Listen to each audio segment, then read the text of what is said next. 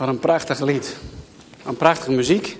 En ik hou wel van, uh, van stevige muziek. En zeker als die drums daar lekker in naar voren komen, dan uh, word ik alweer helemaal happy. maar ook uh, wat een prachtige woorden. Ehm, als we het hebben over de, de schepping van God. Als we het hebben over de verantwoordelijkheid die we hebben gekregen van God ook voor onze schepping. Ik had het niet gepland, ik had het niet opgeschreven. En, en tijdens het laatste lied dacht ik weer terug aan mijn bekering. Ik dacht terug aan mijn bekering aan dat moment in Zuid-Afrika, waarop ik net bij zo'n christelijke bijeenkomst was geweest. En ik dacht van, nou ja, wat moet ik daar allemaal mee? En ik liep weer terug naar huis en ik keek naar de lucht. En ik zag de prachtige sterren van God. Het was kraakhelder, ik zag die sterren. En ik keek altijd al naar de sterren. Nou, vanaf het moment, zolang ik mij kan herinneren, ben ik onder de indruk van Gods schepping. Alleen ik herkende niet dat het van God was. Ik had wel vragen van hoe kan zoiets moois er zomaar zijn of zomaar ontstaan. En terwijl ik naar die sterren keek, dat was het moment dat God mij aanraakte. En het gevoel, ik kan het niet anders omschrijven als dat ik door bliksem werd geraakt. Dat zijn de enige woorden die een beetje recht doen aan mijn ervaring die ik op dat moment had. En toen werd alles duidelijk. God bestaat. God is de schepper van hemel en van aarde en alles wat er op, in, boven is. En noem het maar op. Hij is de schepper. Hij heeft het gemaakt. Met zijn handen en met zijn woorden heeft hij het vormgegeven. Zoals u hier zit. Hij heeft u vormgegeven. Hij heeft de, de bomen, de bloemen heeft hij ontworpen en heeft hij vormgegeven. En met zijn levenskracht mag dat spul allemaal groeien. Zoiets moois om de, onder de indruk van te raken. En zo verdrietig aan de ene kant om te zien dat er zoveel mensen zijn die genieten van al dat moois wat deze wereld te bieden heeft, wat de natuur te bieden heeft. En dat ze dan maar denken dat dat toevallig is ontstaan. Gewoon maar zomaar.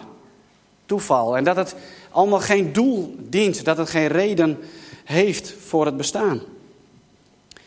Ik geloof echt dat God door ons heen spreekt, door zijn woord. Ik geloof dat God door ons heen spreekt, door elkaar. Ik geloof dat God naar ons spreekt door zijn Heilige Geest. Als we in de stilte zijn woord lezen of gewoon een keer helemaal stil zijn. En ons oefenen in het stil zijn, wat voor ons Westelingen heel erg moeilijk is. Ik geloof dat God spreekt door zijn schepping. Ik geloof echt dat nu de lente ook weer aanbreekt en het nieuwe leven begint en de vogeltjes hun eieren leggen en heerlijk chilpen in de, in, in de morgen en in de avond hoor je de merels hun avondgebed zeg maar op, opzeggen. Tenminste, zo bestempel ik dat. Ja, ik word er zo geraakt van. Ja, mijn vrouw die wordt er soms wel eens niet goed van hoe vaak ik wel niet begin over die vogels. Maar ja, ik, ik ben echt een natuurfreak, maar zeker van vogels. En dan vertel ik uh, Jesse, die is nou naar de zondagschool van uh, wat is nou de reden dat die vogeltjes zo uh, actief uh, zijn in het zingen. Ik zei, ze eren God. Elke morgen zodra ze wakker worden, zitten ze lekker op hun tak. Dan is hun hele zijn vervuld met dankbaarheid dat er weer een nieuwe dag aanbreekt. En daar kunnen we zoveel van leren, van die vogeltjes. En ze zingen. Elke morgen weer prijzen ze God. En aan het einde van de dag, als de dag ten einde komt en ze gaan uh, lekker rusten. Dan danken ze God dat ze de dag weer doorgekomen zijn. En dat ze genoeg wormpjes hebben gevonden of zaadjes of noem maar maar. En dan begint het, het uh, prijzen van de natuur richting God. Wauw, zo mooi, die natuur. God, de schepper van het heelal, van de hele kosmos, kosmos, van het universum. God, de schepper van de aarde. God, de schepper van de natuur, van de dieren en van de mens. En het een is niet los te verkrijgen van het andere. Het hoort bij elkaar. We leven samen en we zijn intens met elkaar verbonden omdat we dezelfde maker hebben. We dezelfde schepper hebben. We horen bij elkaar. Een verantwoordelijkheid van God hebben we meegekregen. Hij zei op een gegeven moment in Genesis tegen de mensen: de dieren heb ik geschapen en geef het maar een naam. Geef ik het even in eigen bewoordingen weer. En de mens mocht de dieren een naam geven. Maar het was God die de sterren een naam gaf, zoals we kunnen lezen in Jesaja. Hij heeft de sterren gemaakt en ze allemaal een naam gegeven. Hoe ongelooflijk mooi is dat? Hij gaf ons de verantwoordelijkheid. Wij mochten een naam geven zoals wij onze kleine kinderen, onze kleinkinderen een naam mogen geven. Onze baby's, onze kleinkinderen, noem het maar op. En daar was een moment dat God dacht van ik moet overnieuw beginnen. En hij liet Noach de ark bouwen en hij verzamelde één familie. De familie van Noach. Maar hij verzamelde wel van alle dieren in de wereld één stel. En de rest van de wereld verging onder een gigantische grote zondvloed. En alle dieren die dus niet in die ark zaten, en alle mensen die niet in die ark zaten, die gingen allemaal dood door het water. En soms vraag ik me wel eens af, ja, waarom heeft hij ervoor gekozen om, om, om van alle dieren zeg maar, zo'n stel mee te nemen, de ark in? Waarom heeft hij niet gewoon opnieuw de dieren gemaakt, zoals hij heeft gedaan in, in Genesis? En dat zijn allemaal vragen die me bezighouden. De rol van dieren in de Bijbel is ontzettend groot. De rol van de schepping in Gods woord is ontzettend groot. En ik ontkom er niet aan om Psalm 8 met jullie te lezen. En ik lees je voor uit de NBV. En als je een andere vertaling hebt, NBG uh, eh, of een oudere vertaling, dan zul je zien dat het hier en daar wel wat afwijkt. Maar puur ook vanwege de tijd kan ik daar niet op ingaan, maar dan wordt het een complete Bijbelstudie. Ik lees je voor uit de NBV, Psalm 8. Een hele bekende psalm als het gaat over de natuur en het gaat over Gods schepping. Voor de koorleider, op de wijs van de Gathitische, een psalm van David. Heer onze Heer, hoe machtig is uw naam op heel de aarde. U die aan de hemel uw luister toont en met de stemmen van kinderen en zuigelingen bouwt u een macht op tegen uw vijanden om hun wraak en verzet te breken. Zie ik de hemel, het werk van uw vingers, de maan en de sterren, door u daar bevestigd. Wat is dan de sterveling dat u aan hem denkt? Het mensenkind dat u naar hem omziet. U hebt hem bijna een God gemaakt, hem gekroond met glans en met glorie, hem toevertrouwd het werk van uw handen en alles aan zijn voeten gelegd. Schapen, geiten, al het vee en ook de dieren van het veld, de vogels aan de hemel, de vissen in de zee en alles wat trekt over de wegen der zeeën. Heer onze Heer, hoe machtig is uw naam op heel de aarde. Heel kort even stilstaan bij vers 6 en bij vers 7. U hebt hem bijna een God gemaakt, de mens. Geschapen naar het beeld van God. Gevuld met de Heilige Geest van God. Toevertrouwd het werk van zijn hand. Toevertrouwd deze aarde. Toevertrouwd de dieren, de natuur. En noem het maar op. Aan ons toevertrouwd. En alles aan zijn voeten gelegd. Met andere woorden, wij mogen daarover heersen zoals in Genesis het gebod werd meegegeven aan de eerste mensen. Heers, bewerk en draag verantwoordelijkheid voor deze wereld. Voor de schepping die ik heb gemaakt. Als ik kijk naar hoe dieren gebruikt worden in de visioenen. Het zij in Daniel, het zij in Zacharias, het zij in het Nieuwe Testament in openbaring. Het zij in het begin van de Bijbel en het einde van de Bijbel. Is het ongelooflijk veel hoe dieren gebruikt worden om nou ja, de wezens zeg maar, te omschrijven die de mensen zien in hun profetieën, in de hemel of op aarde. God gebruikt dieren. God gebruikte de dieren in het Oude Testament nog voor Jezus Christus als, als offer die wij nodig hadden om toch verzoening te krijgen met God. Je had de zondebok, de stier, al die offers die gebracht moesten worden voor bepaalde zonden die het volk begin tussen God en de mensen op dat moment was het bloed van de dieren waar het weer goed maakte. Later werd alles werd vervangen en was het het bloed van Jezus Christus die alle mensen verzoende met God. Alle mensen verzoend met God. Het enige wat de mens nog hoeft te doen is zijn knieën te buigen, zijn hart te openen, zijn handen naar voren te steken van ja, ik geloof dat met geheel mijn hart. En het eeuwige leven, de relatie met God is daar voor ons als geschenk. Het begin van het laatste lied, dat mij enorm raakte. Toen overkwam mij eventjes het gevoel als ik goed luister naar de tekst van, oh jee, William, uh, ik schiet hopeloos tekort in mijn dagelijks leven. Ik schiet hopeloos tekort in het christen zijn. Ik schiet hopeloos tekort als het gaat om mijn verantwoordelijkheid naar de schepping toe. Ik schiet hopeloos tekort als het gaat om mijn naaste lief te hebben zoals mezelf. Ik schiet soms tekort in het liefhebben van mezelf, wat God ons ook heeft opgedragen. En dan denk ik van ja, nou dan voel ik weer alles van, van binnen gebeuren. Van hoe ga ik dat weer rechtbreien? Hoe ga ik dat dan doen? En hoe ga ik dat fixen? En waar moet ik dan mijn aandacht op verleggen? En toen opeens was het alsof er een hele rust over me heen kwam. En, en, en Gods geest zei van ja maar wacht eens even William. Ik heb het werk al vol, volbracht. Dat hoef jij niet meer te doen. Het enige wat je hoeft te doen is je ogen en je hart gericht te houden op God. Ik kan mijn, mijn genade, mijn verlossing, ik kan de goedkeuring van God kan ik niet verdienen door mijn goede daden. Door extra mijn best te doen of, nou noem het maar op. Want God heeft het allemaal volbracht. Op het moment dat hij daar aan het kruis hing, riep hij ook, het is volbracht. Daar kan ik niks meer aan veranderen. Ik kan er niks meer aan afdoen, maar ik kan er ook niks meer aan toevoegen. En iedere keer weer, ik denk dat ik dat soort dingen wel iedere preek weer noem.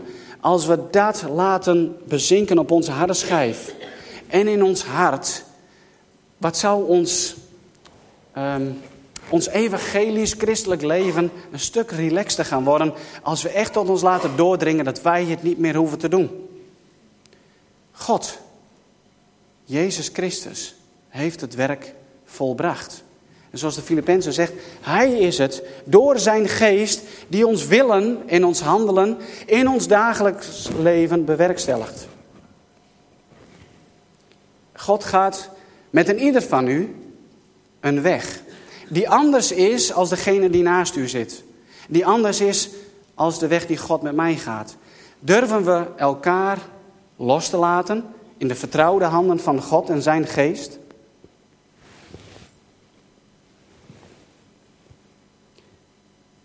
Hebben we het over onze verantwoordelijkheid? Hebben we het over de schepping?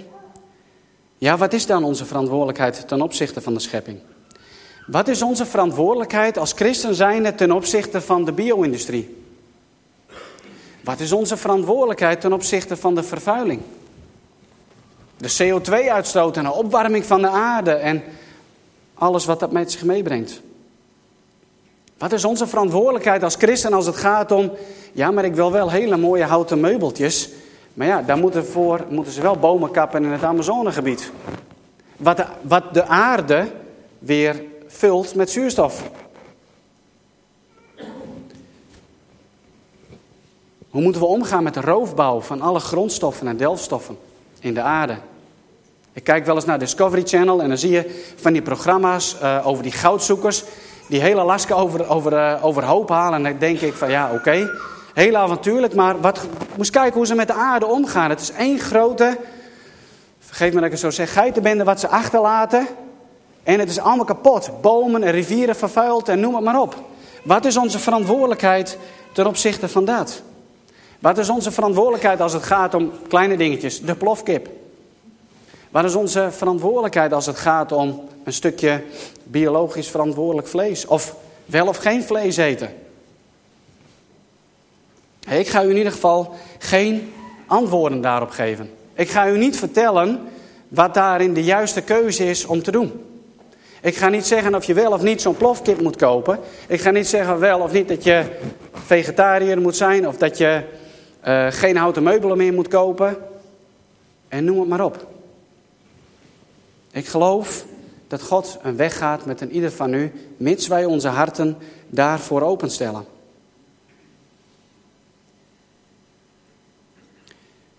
En dan heb je het alleen even over onze ecologische verantwoordelijkheid. Maar wat ik wel heb ontdekt en wat ik jullie zeker wil meegeven, en ik heb het vaker gezegd en ik zal het vast een keer nog vaker naar voren gaan brengen. Ik heb een sleutel gevonden in Gods woord, wat de oplossing is voor heel veel van onze problematieken die we vooral binnen de kerken hebben. De problematiek die we soms meemaken binnen kerken, en ik kom in best wel veel verschillende kerken, die ons uit elkaar drijft. De een die roept dit en een andere roept dat.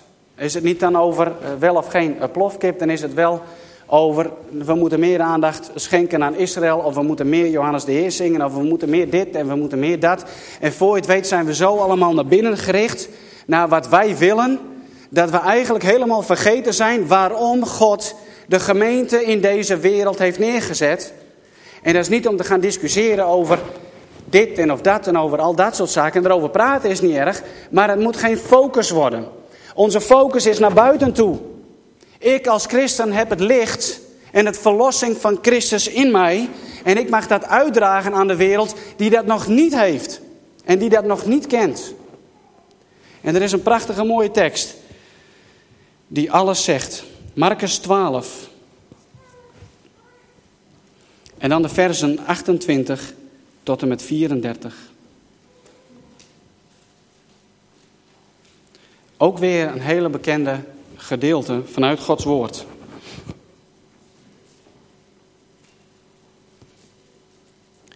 Marcus 12, vers 28.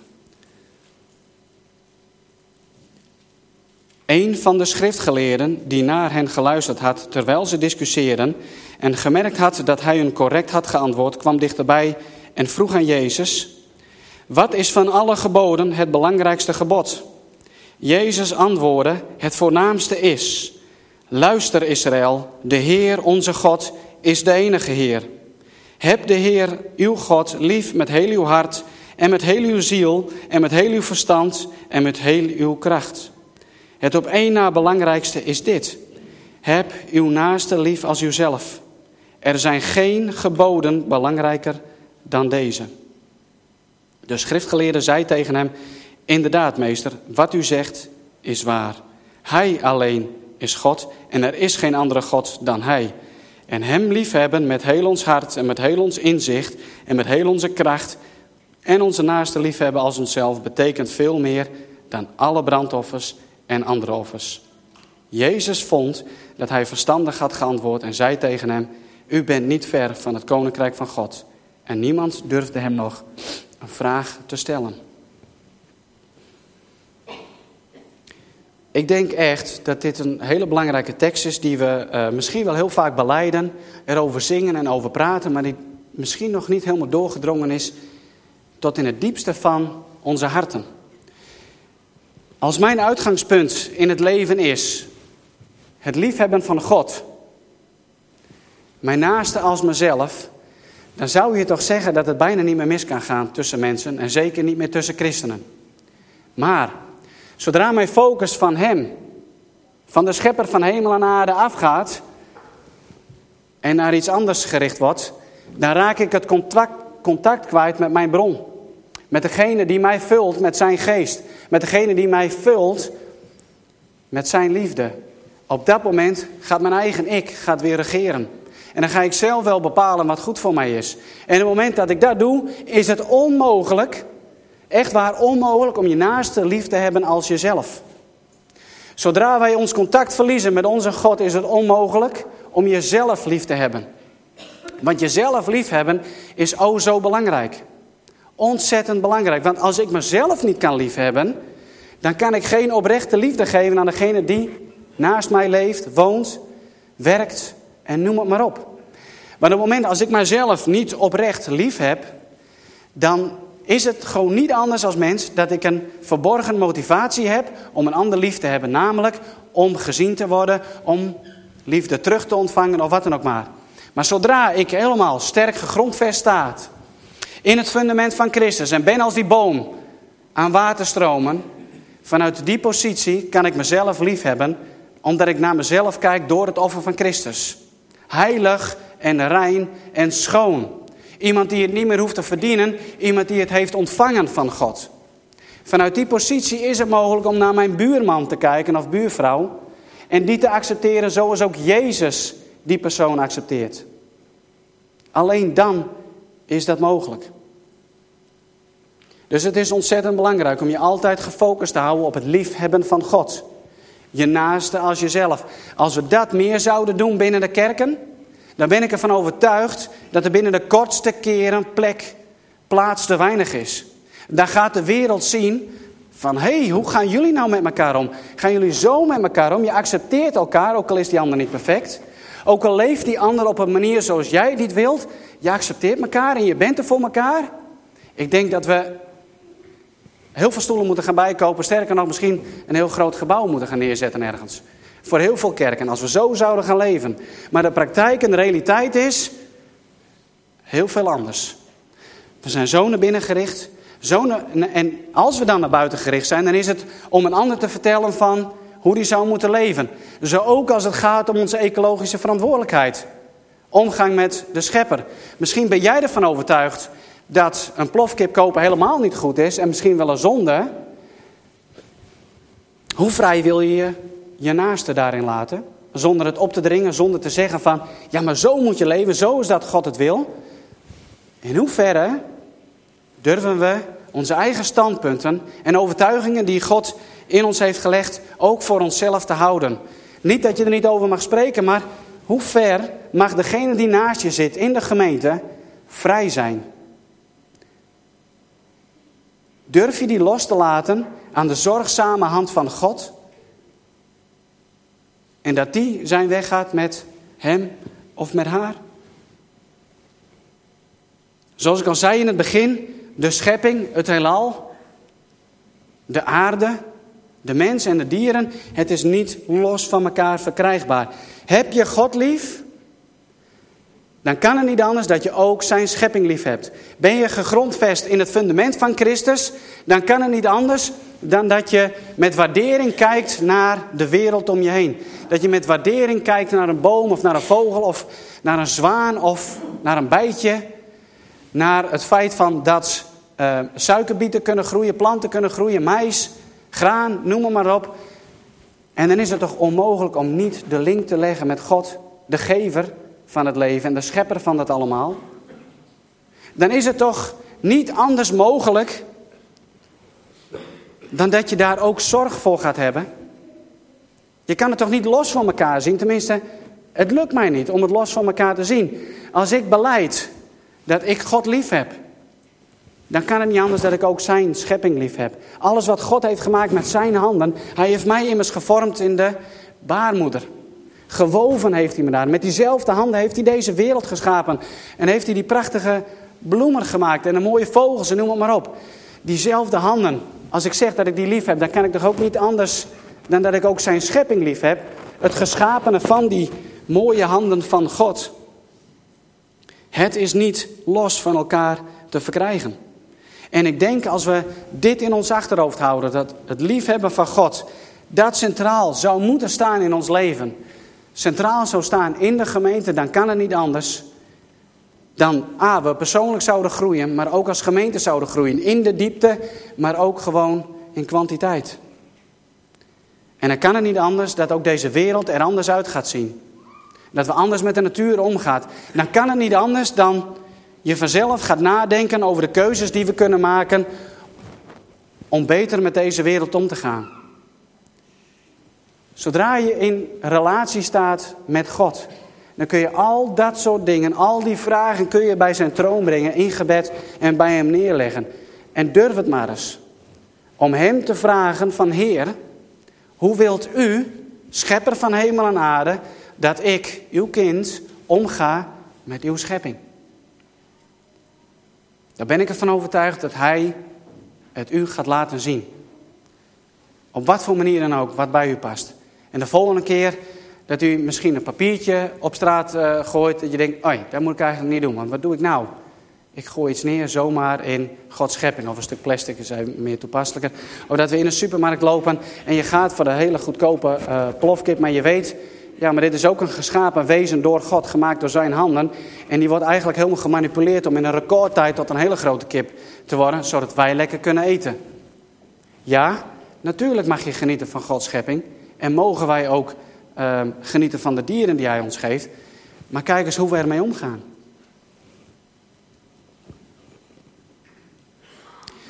De Bijbel zegt, als je God lief hebt, dan heb je ook je naaste lief.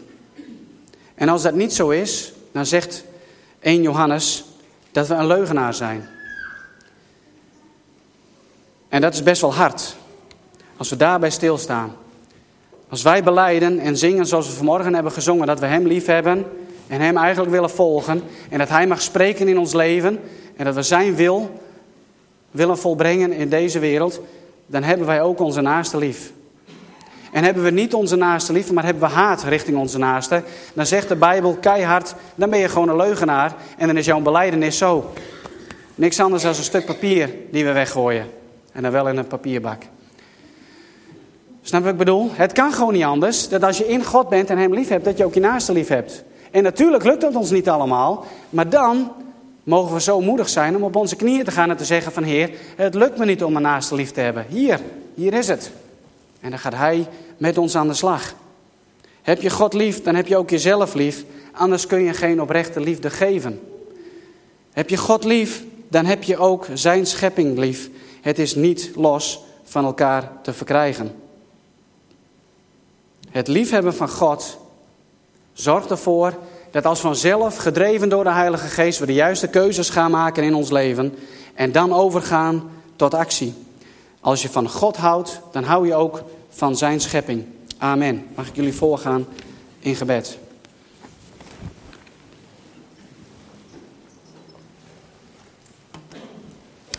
Vader God, schepper van hemel en aarde, Heere, geprezen zij uw heilige naam. Heer, uw koninkrijk komen en uw wil geschieden in ons leven, Heere, in deze gemeente en Heer in heel de wereld. Vader, wat een voorrecht, Heere, is het om zo bij elkaar te mogen zijn. Vergaar het in uw naam. De naam van Jezus Christus, die ons bij elkaar heeft gebracht, Heere. Wat een wonder, Heere, om vandaag ook weer te genieten van het mooie weer.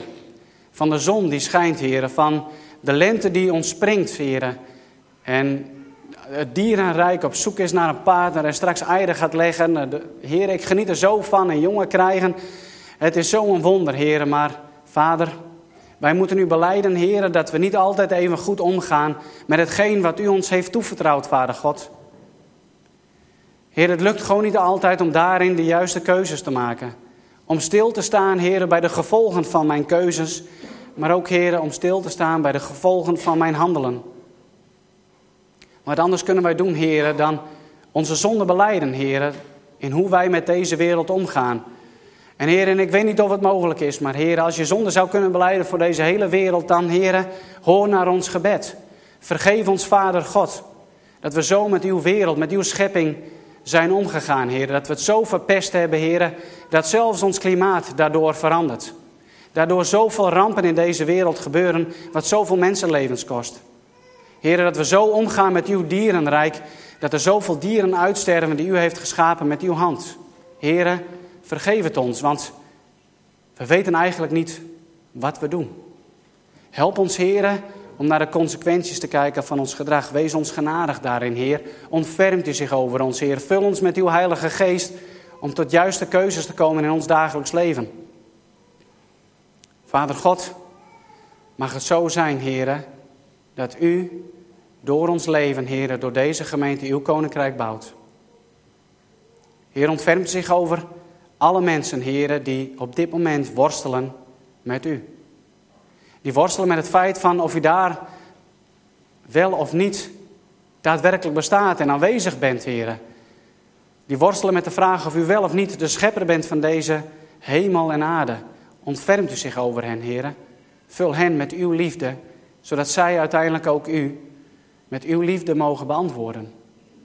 Heere, werk door ons heen. In de naam van Jezus Christus. Glorie, halleluja. Amen.